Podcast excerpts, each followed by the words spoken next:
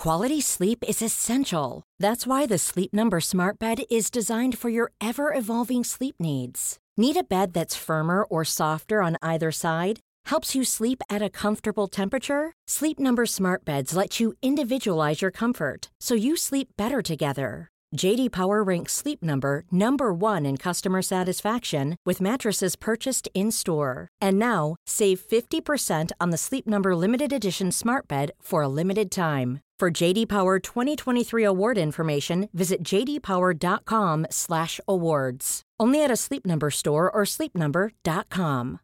Here's a cool fact: a crocodile can't stick out its tongue. Another cool fact: you can get short-term health insurance for a month or just under a year in some states. United Healthcare short-term insurance plans are designed for people who are between jobs, coming off their parents' plan, or turning a side hustle into a full-time gig. Underwritten by Golden Rule Insurance Company, they offer flexible, budget friendly coverage with access to a nationwide network of doctors and hospitals. Get more cool facts about United Healthcare short term plans at uh1.com. Podplay.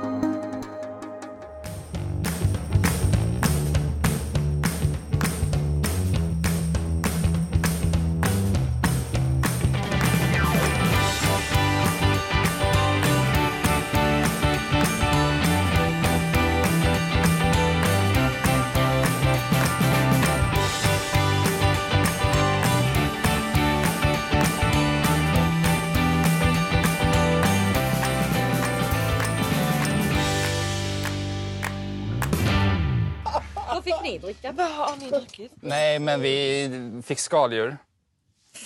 Fick ni skaldjur? Ostron... Eh... Vad fan heter det? Musslor. Musslor och krä kräft kräftor. Vad är kul att du äter musslor med Hedda men inte med mig. Nej men vet du vad, det är faktiskt lite störande att du kan äta musslor här och när jag har lagat det hemma så beställer du pizza. Steffi, Jag har en förklaring. Steffi, får jag säga en sak bara? Säg, håll käften där. och jag som har ätit musslor tusen gånger i mitt liv. Det Så var relevant. Och sen går musslorna kvin- en kvinna in och ska rädda honom. För det första så kom de tillbaka och var väldigt berusade. Ehm, och sen så, alltså jag äter ju väldigt mycket skaldjur hemma. Och Marcus har tvärvägrat att äta musslor när jag lagat det till honom och sånt. Och det stör mig inte egentligen men det stör mig ändå lite grann liksom. Det är så här, okej men nu åt du musslor fast jag har bett dig smaka flera gånger och han har tvärvägrat. Du tjurig nu? Du hade ju inte behövt trycka upp det i mitt ansikte att du åt musslor då. Nej, men jag förklarar vad vi gjorde. Vad gjorde ni mer än äta musslor? Och... Nej, jag var inte beredd på det där alltså. Nej du var inte beredd på att äta musslor. Musslorna är ju väl in... Jag äter Nej, jag äter inte ens musslor. Nej han äter inte ens musslor och nu åt han det. Jag åt musslor. Ja, för det var det som fanns. Om det hade funnits en pizza på menyn så hade jag ju valt den alla Det dagar i fanns inga räkor. Nej, det, fanns, det var inga räkor, det var kräftor. Och de åt inte jag heller. Du åt bara mu- musslor. och eh, jag åt musslor bara och bröd och Man såsen. äta mat. Det är inte musslorna det handlar om, det bara irriterar men- mig. Låt mig få vara irriterad, jag är inte arg på dig, jag är irriterad på På situationen. musslorna. Jag är inte irriterad på dig. Jag Jag är är irriterad på musslorna. Omskrivningarnas moder. Är inte detta sensationale bland liksom topp 10 roligaste reality-tv-bråk på 20-talet? Jo, jo det, det måste jag ge. Bakgrunden är då vår nya favoritsoppa. Ja. Vi alla aldrig. Ja, som vi pratade om i förra avsnittet. Så lyssna på det om ni inte har hört det. Nej, men det här är alltså eh, ett av paren i såpan. Hon heter... eh, Ja, det är Steffi och Marcus. Och i, i det här avsnittet så har det då eh, ett ganska jobbigt socialt experiment. Det är så att paren ska få dejta en från något annat par. Det är åtta deltagare på plats, så de blir liksom matchade med en annan partner i det andra paret. Och det börjar med att Jo- Jonte, tror jag det är, som är från ett annat par, som inte klarar av ordet dejt. Han börjar se svart och han liksom rivs och skakas utav svartsjuka och tänker på vad man kan göra in the name of date. Och det här sprider sig då, eller smittar då Steffi som tidigare haft problem med svartsjuka. Eh, Så hon, Såklart, eftersom svartsjuka eh, smittar. Ja, och hon är då liksom mörk i sinnet när Marcus kommer tillbaka från sin dejt med Hedda, som då i tidigare avsnitt har avslöjat att hon gärna skulle ha ett öppet förhållande. Precis, precis. Mm, han är då rätt på snusen efter två flaskor vin. Och har då ätit musslor. Och detta föranledde då en, ett starkt, starkt innehåll i programmet. Jag älskar när han ska låtsas att han inte riktigt vet vad det heter. Det är så bra! Vi lyssnar på det igen. Vad fan heter det? Musslor och krä, kräft, kräftor. Vad fan heter det? Krä, kräft, kräftor. Krä, krä, krä, kräft, kräftor. Vad fan heter det? Krä, kräft, kräftor. Det här är ju, det här sker ju nästan varje dag i relationer. Både med barnen och med, med den man då lever tillsammans med, man eller kvinna. Att så här, man ska vinna tid. Men man, det måste ju förfinas genom åren. Ett barn är så här, vad sa du mamma? Bara, nu ser jag att du gick och hämtade glass ändå. Aha, ja, nu när du säger det så kanske jag kom på att jag gjorde det. Men män blir ofta så stekta tycker jag. De är inte alls lika liksom, utvecklade eller vana i den ädla konsten att vinna en tiondel sekund, som vi också pratade om i förra avsnittet. Men jag vet inte, jag, jag förstår ju henne också. För det här är ett otroligt tydligt problem. Att man lever tillsammans med någon som absolut inte kan göra det och det och det. Och så tar det slut. Och oj då, inom loppet av några veckor så kan hen gå upp, träna, laga den godaste pastan, åka med barnen till ditten och datten.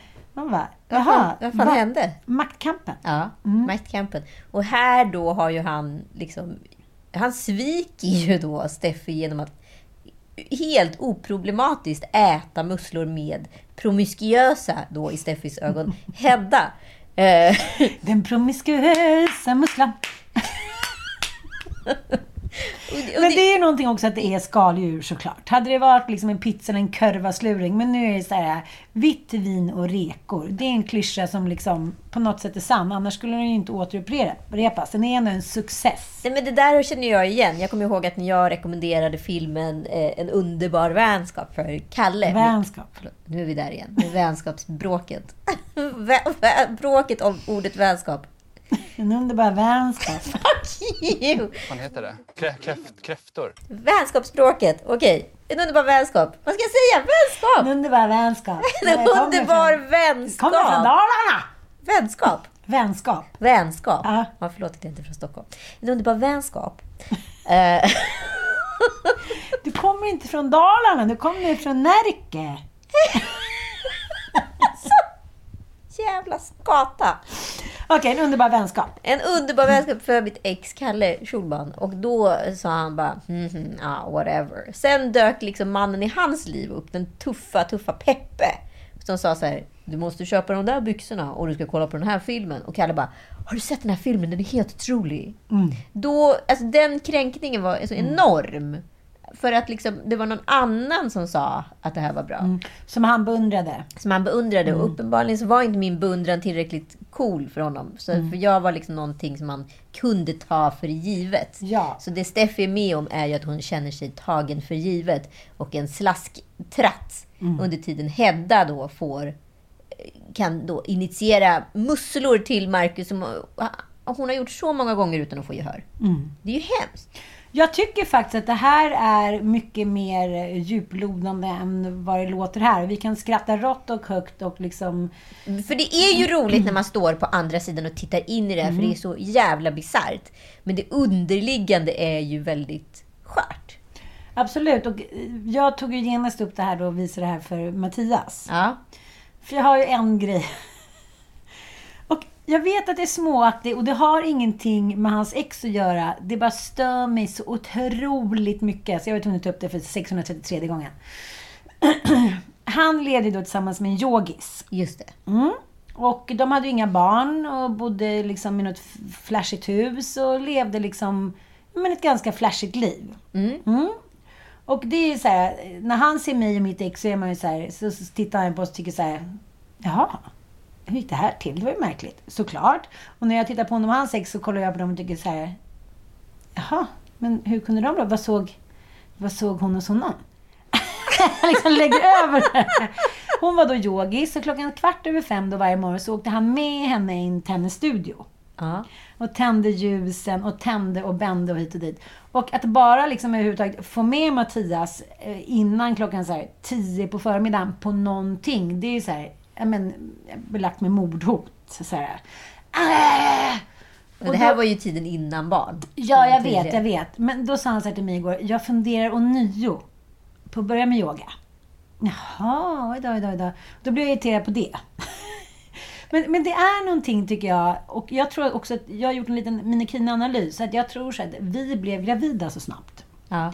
Så att så här, Först var han ju så kär och jag kommer ihåg någon, någon kväll han inte fick tag på mig för jag var ute med Klintbergskan och telefonen lät ur och jag åkte hem. För jag hade barnvakt och sen så vaknade jag klockan du vet, åtta på morgonen och kände såhär, nej men nu har han inte sovit på hela natten. Du vet man vaknade upp med en ångestkänsla.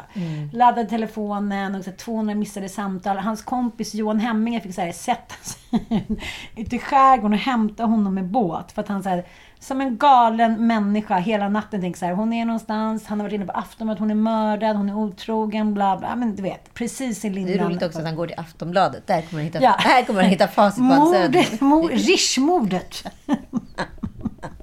Var ska jag ta vägen? Ska jag ringa till polisen? Ska jag ringa till sjukhuset? Vad ska jag göra? Nej, Nej, men- kollar på Aftonbladet. Nej men du vet, det var ju så här, om han ringde mig bara och jag inte svarade så här, men jag har inte tid att prata nu. det är klarade han inte av. Han är en kendis. Rish-mordet, man Soderberg. Nej, Söderlund. Så tråkigt. Du och jag ska aldrig skriva Nej, buskis. nej, men det som är är då, sen blir jag ju på smällen liksom, ja men efter en månad. Och sen dess så är ju liksom, och jag, det finns ett före och efter, det ser man ju. Hade jag blivit gravid två år senare, då hade han ju ändå varit tvungen att, och vice versa, bygga upp någon form av kapital. Så här, det här är en bra snubbe, hen vill göra det och det för mig. Men det behövdes ju aldrig. Är du med mig? Det blev en genväg till så här, kossan och eh, tjuren i båset. Ja, men det är väl bådas val, eller? Nej, men jag tycker inte att jag har betett mig så gentemot honom. Nej, det är klart att du inte tycker det. nej, nej, men, nej, men jag tänker bara att ni valde att bli, bli gravida och behålla så tidigt. Då, Ja. då, då har ju ni ändå satt reglerna för hur det här ska funka. Ni, ni Fast jag avs- tror att jag tänkte så här, så nu satte han på mig det här på bröllopsnatten och nu blir jag gravid och nu kommer han inte uppvakta mig något mera. Vad, Nej, men det är jag tänkte så? Nej, men det är väl klart. Men tar man beslutet att bli förälder så pass tidigt i en relation, då, då kan man ju också avskriva en jävla massa honeymoon. Jo, men väljer man en gamtacka så är det ju bara att skjuta skarpt direkt. Det fattade vi båda två. Men jag känner lite blåst på konfekten. Ja, men det är väl inte för sent än. Ni har ju kvar det där Mm. Ja. i livet när barnen blir lite större. Ni får ju bara vänta till ni, ni båda är åldern. Åldersmän. Men i morse sa han, har du något bokat eh, augusti, den var något datum? Skriv in i, i almanackan så nu får vi se vad... Ja, men det kanske nu hans romantiska vår börjar. Alltså roligt när vissa människor blir stressade så drar de till med vad fan som helst för att det blir för jobbigt. Ja, men så är det väl. Ja, då tänker jag lite på... Det har ju hänt en del grejer rent... Vad ska man säga? Rättsligt här i veckan som vi måste belysa. Eh, och eh, ja, vi kan ju prata om det ur ett manligt kvinnligt perspektiv. Men jag tycker också att vi ska prata om det ur eh, begreppet heder. Ja, men det är en ung man som då dömdes i oktober 2017 för eh, människorov. Två fall av grov våldtäkt och eh, försök till utpressning. Och han fick alltså fängelse då i tre år och tre månader. Och detta gjorde han tillsammans med sin äldre bror. Han har alltså våldtagit två kvinnor i Malmö under tortyrliknande förhållanden. Eh, och ett av fallen har liksom särskilt eh, uppmärksammats där han liksom eh, spärrade in, alltså kidnappade en av kvinnorna och, och liksom eh, höll henne som en sexslav i ett källarutrymme där han också, också bjöd in lite polare att få liksom, förgripa sig på henne. Och eh, till sist så liksom, blev det en massiv polisinsats och eh, ja, han spärrades in. Hur som helst så dömdes han då till fängelsestraff fyra år och sex månader. Men domstolen beslutade också att han skulle utvisas från Sverige. I både ting och hovrätten gjordes bedömningen att mannen vid tidpunkten var eh, 18 år eller äldre. Men mannen ansökte då om eh, resning i Högsta domstolen och efter en ny undersökning av Rättsmedicinalverket och genomgångar utav mannens identitetshandlingar så visade det sig att själva man, verket att mannen var 15 och respektive 16 år när våldtäkterna skedde. Och då får han alltså ett skadestånd på 840 000 kronor. Ehm, och det här är ju liksom ganska anmärkningsvärt. Eh, brottsoffret har väl fått runt 100 000 och men för livet. Eh, det här är jävligt polariserat och skit, skitjobbigt skulle jag vilja säga. Mm. Och vi, har- men vi, Många har ju reagerat, eh, bland annat eh, Ulf Kristersson då. Ja, och Ebba Busch Thor. Det problemet blir ju lite när Och de... Bingo Rimér. Ja, men, pro- ja, men det är jättemånga som har reagerat i sociala medier och delat liksom den här mannens eh, ansikte och namn och allting. Så han har väl liksom uppenbarligen ett pris på sitt huvud. Men det här är ett större... det- Vi måste ju börja med liksom pudens kärna här på något sätt, tycker jag. Och om vi nu ska kolla på vårt samhällsskikt som är liksom en väldigt eh, protestantisk kristen eh, superdemokrati på något sätt. Där kvinnor har liksom bäst rättigheter i världen. Nu åter tillbaka till Wo- World Value Map där vi är som mest progressiva inom allt. Liksom. Eh, och minst, mest sekulariserade. Vi tror inte på någonting i princip. Eh, där har vi liksom en grej. Sen kommer då människor från eh, utsatta länder eh, och har varit med om fruktansvärda liksom, eh, saker i sina hemländer och på så sätt har fått eh, liksom, politisk asyl att komma till Sverige och på så sätt har blivit liksom, eh, indoktrinerade i det svenska samhället. Samtidigt så lever, kommer de från kulturer och religioner där kvinnor inte har sådana rättigheter som män har. Eh, om, och jag läst, under sommaren har jag läst liksom Alaf Alis bok eh, om eh, eh, hennes liksom hedersuppväxt och sett dokumentären eh, Mitt ortodoxa liv och lyssnat också på Rättegångspodden om hedersmordet i Mölnlycke. Och jag, jag, jag tycker, om jag skulle liksom bara sammanfatta som någon form av förenkling av det här så hedersnormen handlar ju om att eh, män är bättre än kvinnor i de här kulturerna och religionerna. Liksom. Eh, och att vara kvinna eh, har man en, enbart möjlighet att vara fri inom liksom, äktenskapets väggar. Vilket nu blir väldigt tydligt också i och med att talibanerna nu och, och nio har tagit över makten i Kabul. Ja, och Afghanistan. Liksom. Ja, efter 20 år av eh, liksom, lättnader för flickor och kvinnor. Och, ja. Ja, och det är ju de här männen som då blev mördades arga söner som nu är åter vid makten. Så vi ser ju att historien liksom repeterar sig själv. Ehm, och är liksom inte en kvinna tillräckligt så normanpassad, alltså om hon inte följer liksom hederns kultur, då kan både liksom kvinnor och män reglera henne och, och skamma henne tills hon blir liksom tillräckligt nedbruten att anpassa sig i leden. Och det är ju ingenting enbart för, för de här kulturerna. Det gäller ju även på Östermalm och i, i Hamburg och liknande. Ja, så att vi ska ju liksom inte Farsta. bara prata om att hedersnormen är, är liksom nå- något påfund fr- från eh, utländska religioner, utan heden gäller också i allra högsta grad i Sverige. För bara under 2020 så mördades 15 kvinnor förra året. Alltså det betyder mer än en i månaden av sin partner. Eh, och forskning tyder på att liksom det största bakomliggande motivet till det dödliga partnervåldet var mannens behov av kontroll över kvinnan. Och brottet begå- har begåtts av en före detta partner eller befintlig partner som kvinnan eventuellt har velat separera ifrån. Och det här är enligt Eller lämnat. Ja. Eh, och om vi kollar på liksom våldtäktsstatistiken generellt så är ju sexualbrotten, alltså som har anmälts, det är över 25 000. Men våldtäkter, re- ni- 2020 så anmäldes alltså 9 580 våldtäkter och knappt 1000 utav dem eh, går till fallande dom. Och, eh, men liksom skvallret består ju runt offer fortfarande. Och orsaker. Och det här skvallret måste vi bara så ta... Så här, det, det påverkas ju utav...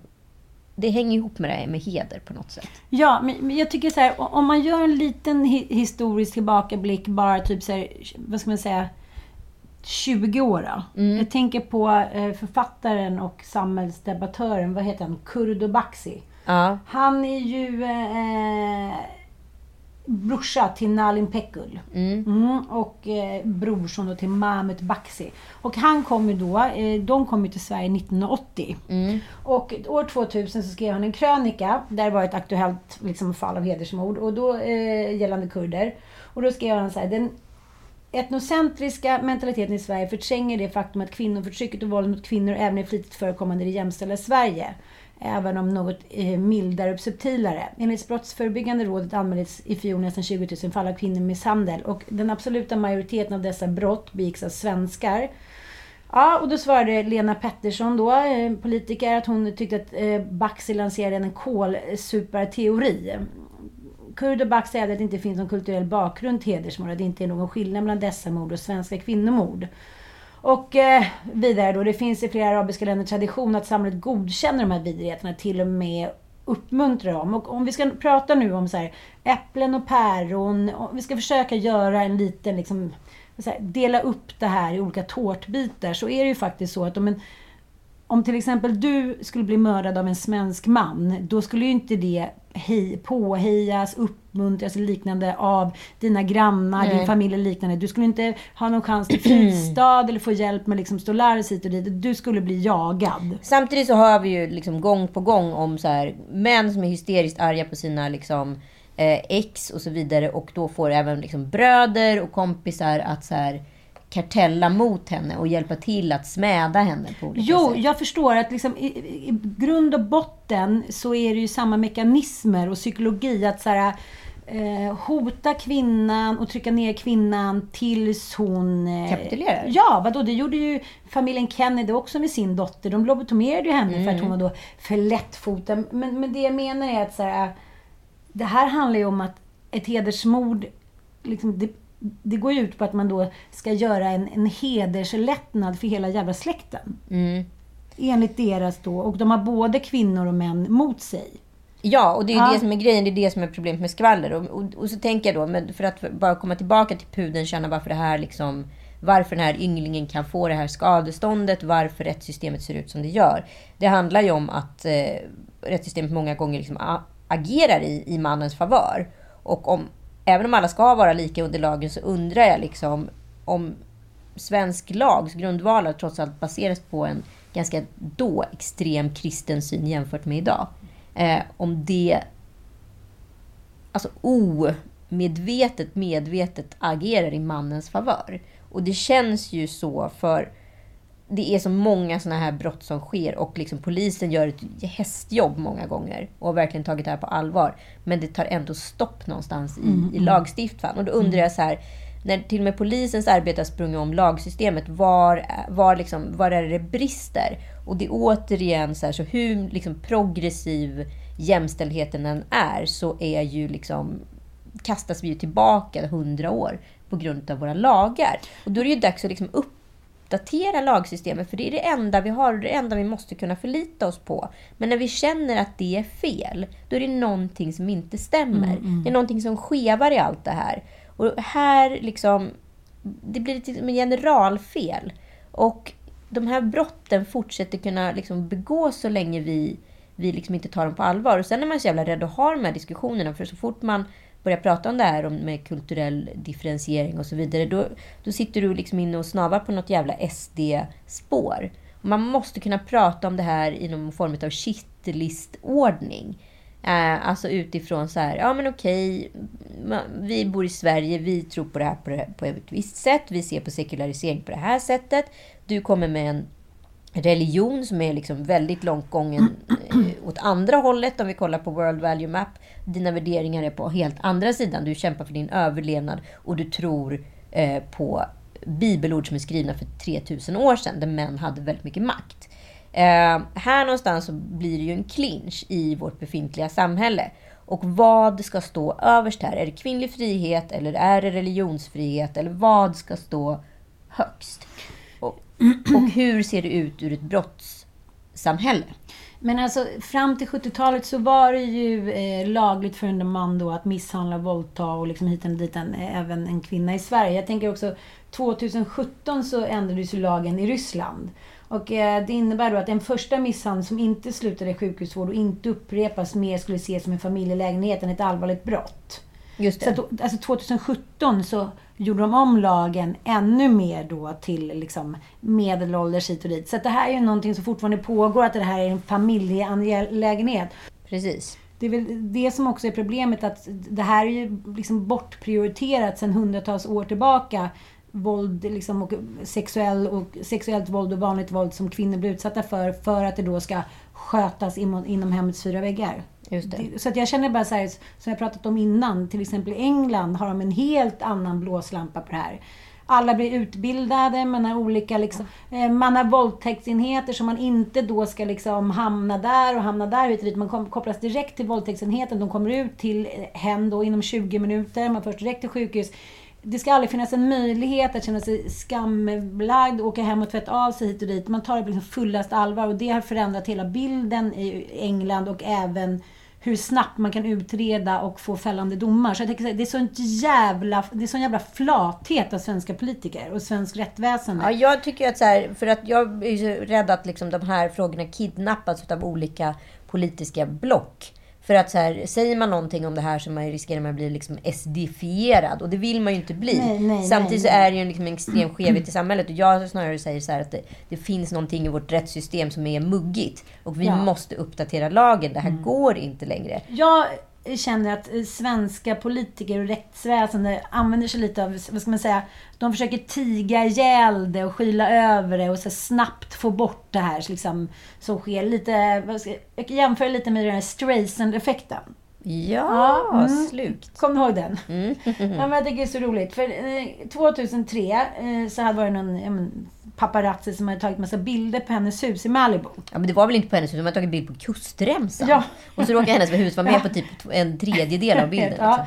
men hon blev ju då eh, liksom, hon började vidta massa åtgärder för att de här bilderna då på när hennes hus syntes lite då skulle liksom stoppas. Men ju mer hon gjorde det här då, ju mer liksom... Eh, Delades det? Ja. Ja. men innan så hade det delats typ sex gånger och Ja. efter hon hade börjat liksom, då var det uppe på 500 000 klickbit senare liksom.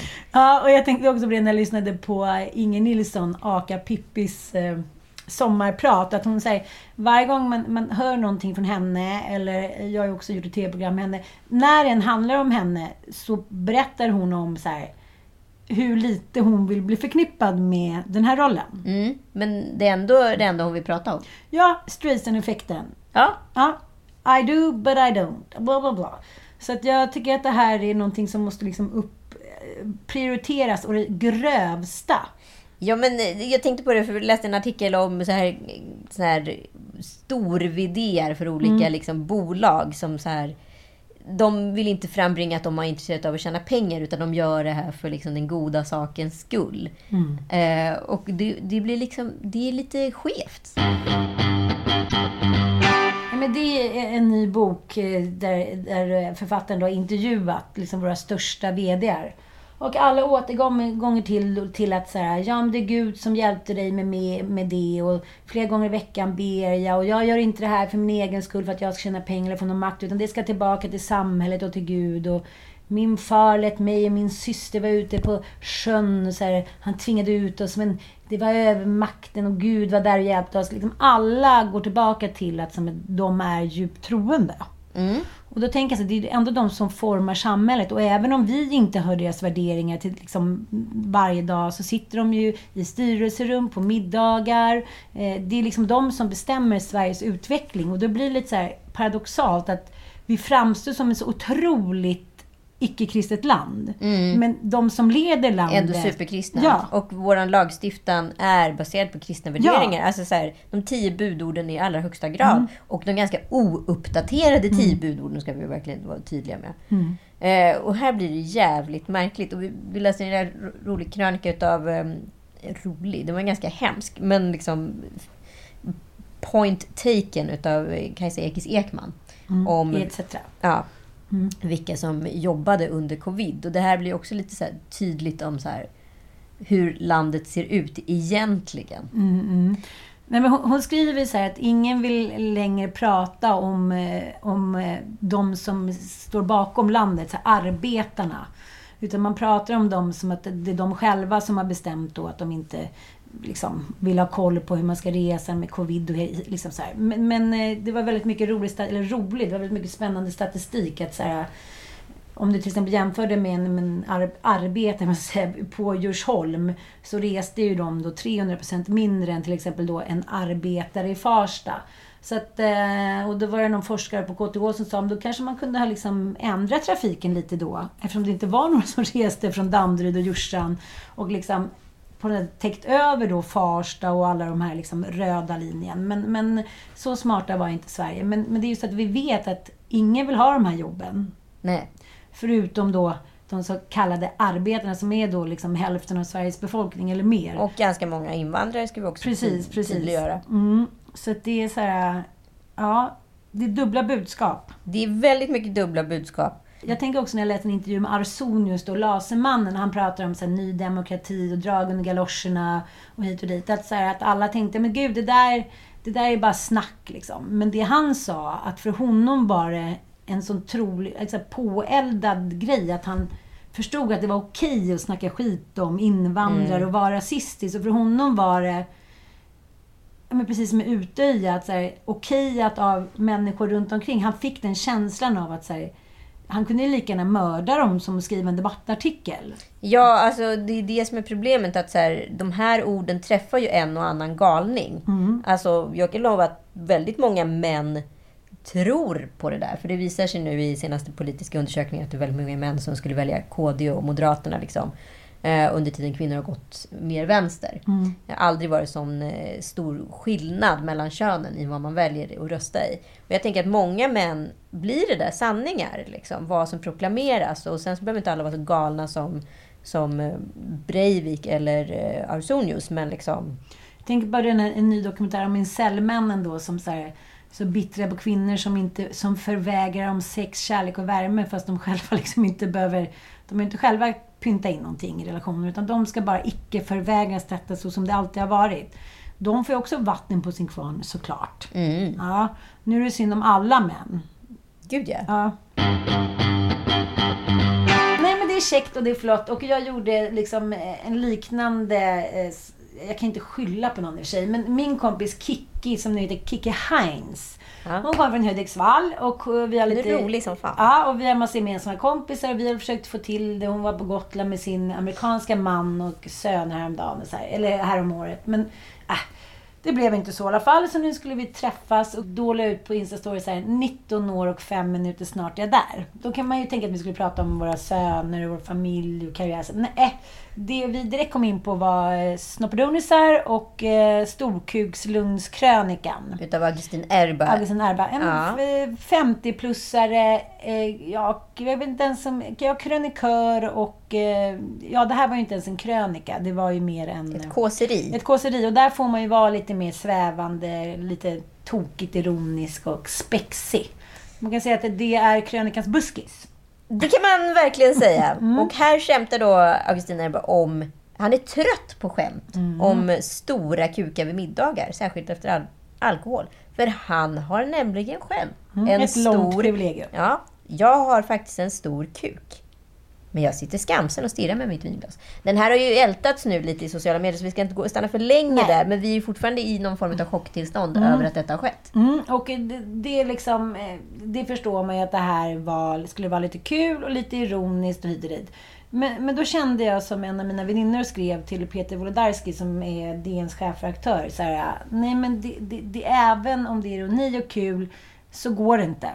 Och eh, vi pratade bland annat om att liksom, dels kan man inte släppa igenom det här för att då är det som att man har legat och sovit de senaste tio åren och är tillbaka på så här SAS-Jannes firmafest 82 där det kom in stripp... Alltså nu använder jag bara SAS-Janne som...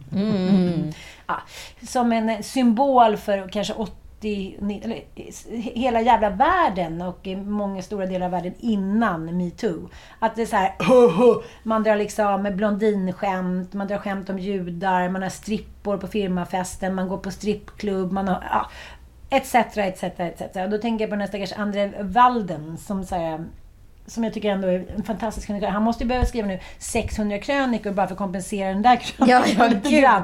Så att hur man än gör så finns det liksom ingen ursäkt för att det här skulle vara ett litet putslustigt eh, liksom, studentikost skämt. Den tiden är över. Och, eh, Man får helt enkelt inte skämta om att man har en egen stor kuk. Nej men jag tänker så här, om jag skulle skriva då, jag har fått fem barn och när jag sitter och säger att jag har en jättestor fitta på middagar så är det så här, ingen säger någonting. Utan där får jag sitta och skämmas, ingen tycker synd om mig. Nej men det går ju inte. Jag tänker ändå att i dagens liksom, samhälle när det ska, ska liksom, jobba för något jämlikt så måste man ändå kunna byta ut Mm, ja, Ja. absolut. så nu har jag en tröja som det står Storfitslugnet på, men jag har inte fått några propåer, inga mejl. Det här kan ju också vara en desperat medelålders man eh, sista. Jag, tänk, jag tänker också att det är så här nyskild och vill ha bekräftelse. Jo, jag fattar. Men jag skiter raderna. i det. För den redaktören skulle ha skrikit stopp och belägg. Även om man kanske så kan titta på den här krönikan om tio år och bara så här. Ja, det var ju bra rent dramaturgiskt. Ja, men den fick, den fick ju åtminstone en spridning. De har ju lyckats med någonting. Så nu kanske han ändå får ligga lite nästa gång. Där. det får man ju vi hoppas. att han inte har en prins. Jag vill ändå vara så här, se Augustin Erbas ögon efter semestern när alla kommer tillbaka och det är första redaktionsmötet och ingen låtsas om som att man har läst den. Mm. Pray jobbet. for Augustin. Ja, pray for Augustin. Backa. Om ni vill beställa en Storfittslugn eh, tröja så finns den på www.storfittan.com. Men berätta mer då om eran middag där, du och Kiki. Ja, det hände ju någonting. Det alltså. blir väldigt uppsluppet såklart och lite som vi pratade om innan att man eh, ens roller, hur man än försöker komma bort från sina roller och vem man är i en viss ålder så, så är det lite som en period där man slängas tillbaka precis när man slutar. Mm. Därför är det mycket bättre att, att inte vara period. Ja, så sitter vi där och sen så sitter vi och väntar på Lisa Knapp Jonsson. Hon ska komma också. Och, ja, men vi käkar och delar på någon pasta och tar ett glas rödvin. Och sen så kommer ju då eh, den anrika servitrisan på Milles och säger så här, det här är från killarna vid det där bordet. Och eh, nu har inte alla varit på Milles, men det var liksom det finns ett runt bord i hörnet och vi, så det var liksom ungefär 40 centimeter från varandra. Så det var liksom lite svårt att så här, titta bort och låtsas som det regnade. Ja, så, jag, vet, jag vet inte vad det var, men dels är det att man inte är van heller att de kastar drinkar på en på samma sätt. Men dels också att man inte har varit ute på krogen på så länge. Ja, ja. Så det var lite så här, "Ja, eh, du får ta det Kiki, du får ta det, du får säga till eh, pojkarna där borta och tacka, du är från Amerika. Hon var så här, nej jag vill. Det blev liksom väldigt... Ni eh, blev stekta? Flick, flickfnitteraktigt, ja. Så vi sitter och håller på och, liksom, och de försöker säga, kom och sätt er här tjejer. Och vi säger, nej vi väntar på en väninna. Så vi, ja men lite så här som jag, men mamma på 60-talet på dans typ. Så, här, nej, det får eh, herr Söderlund absolut inte eh, följa med fru Söderlund hem. Hur som helst så gick det några minuter och sen kom det även in en drink. Oj! Vi hade inte ens hunnit smutta på glaset. Men herregud, men herregud. Ja, och nu, nu blir vi så stressade båda två. Alltså vi blir oproportionerligt stressade. En 49-årig och en 51-årig kvinna som är två... Det vill säga, du får gå bort till slangbella. Alla attribut i världen kunde komma upp. Så då går Kikki bort och jag gör det. Så bara, tack så jättemycket för champagnen och så här, tack för drinken. Och så kommer hon tillbaka, de här 40 centimeterna. Det var till dig. Jag bara, jaha. Okej, då får jag gå bort dit och då sitter det eh, en man där och eh, dels eh, två män som jag känner igen. Dels en här som jag var på bröllop med för 20 år sedan och så dels en annan man som jag säger Hej, han bara hej! Eh, du var ju och lånade lite grejer inför din matserie där. Eh, jag har mejlat dig några gånger, du har inte kommit tillbaka med sleven eller vad fan, liksom. Jag vill säga. Så att jag tänkte jag skulle Det var väl nog påminna lite om mer än en slev, Ja. antar jag, om jag Ja. kände dig rätt. Ja, men jag trodde ju att det var en spång. Ja. Du trodde jag. Jag tror du sa det Ja, du till sa honom. det och så konstigt att han mejlade mejlade tillbaka sakerna. Det var ju spås. Det kunde jag inte säga till honom då. dum, dum, dum, dit kan med dig Han ibland. bara, vill du berätta eller jag? Jag var så här, nej vi ska inte ta det nu. Utan då... Och sen blev det då en hel kväll. Mm. Det var ju roligt ju. Med livsglada laxar på Sturehov, efterfest med vinyl och fram. Och jag cyklade hem i morgonen eh, halv sex över eh, Öresundsbron, höll jag på att säga. Men, men då tänkte jag så här, att jag älskar det där med att ta eh, liksom skorna i handen och solen går upp och man är så här, tre tjejer som tar lite roliga bilder. Man tar cykeln hem och så åh. Att det är så oåldersmässigt. Ja, gud ja. Att det är så här, är man samma känsla som när man var 16 och gick igenom Gamla stan och så inte hittade någon gummisnodd som man tog en liksom pappersrulle i huvudet. Jag bara älskar att det får vara så och att man inte behöver så här skammas för att man är så här tantalora som har kul. Sen var det jättekul att gå med och lägga sig klockan sex och sen gå upp klockan åtta och gå på förskolemöte. Ja, det är Frasses eh, morsa. Ja, det är verkligen Frasses Hon morsa. är ett lik. Ja, det är Frasses lik. Ja, men eh, jag hör lite tal om det under kvällen. Att så här, vad roligt det är att, att man kan komma upp i de där energierna. Och det är därför det är roligt med fest. Det är därför det är roligt med att gå ut. Att det är väldigt få andra eh, vad ska man säga, känslor som kan få upp en i det där varvet. Nej, men alltså jag ska på riktigt på en fet jävla födelsedagsfest i helgen. Det är första på ett år. Mikaela Mm. Fornis bröllopsfest, eller förlåt, förlovningsfest var ju den förra och födelsedagsfest. Det är ju ett år sedan. Alltså du vet, jag är pepp på en nivå som inte är Mm. Sund. sund. Ska vi säga så? Det är det jag menar. Ja. Det kommer bli så mycket. Alltså, jag tror att här, nu kommer den där proppen bara... pff. Folk kommer liksom hångla och knulla och folk kommer bli fulla. Det kommer bli liksom...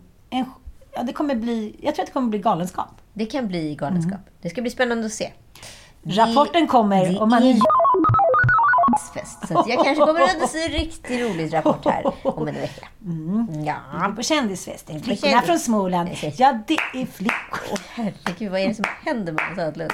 Nu är det dags att vi avrundar den här podden för nu börjar hon spåra ur här. Vi hörs om en vecka. Nu ska jag kissa. Vi gör det. Tack.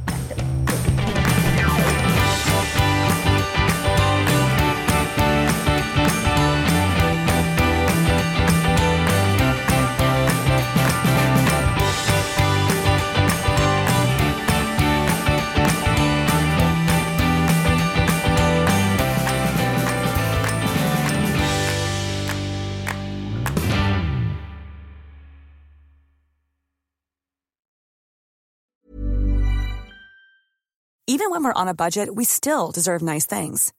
Quince is a place to scoop up stunning high-end goods for 50 to 80% less than similar brands.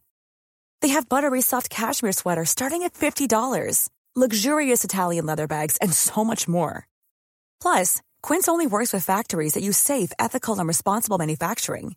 Get the high-end goods you'll love without the high price tag with Quince. Go to quince.com slash style for free shipping and 365-day returns.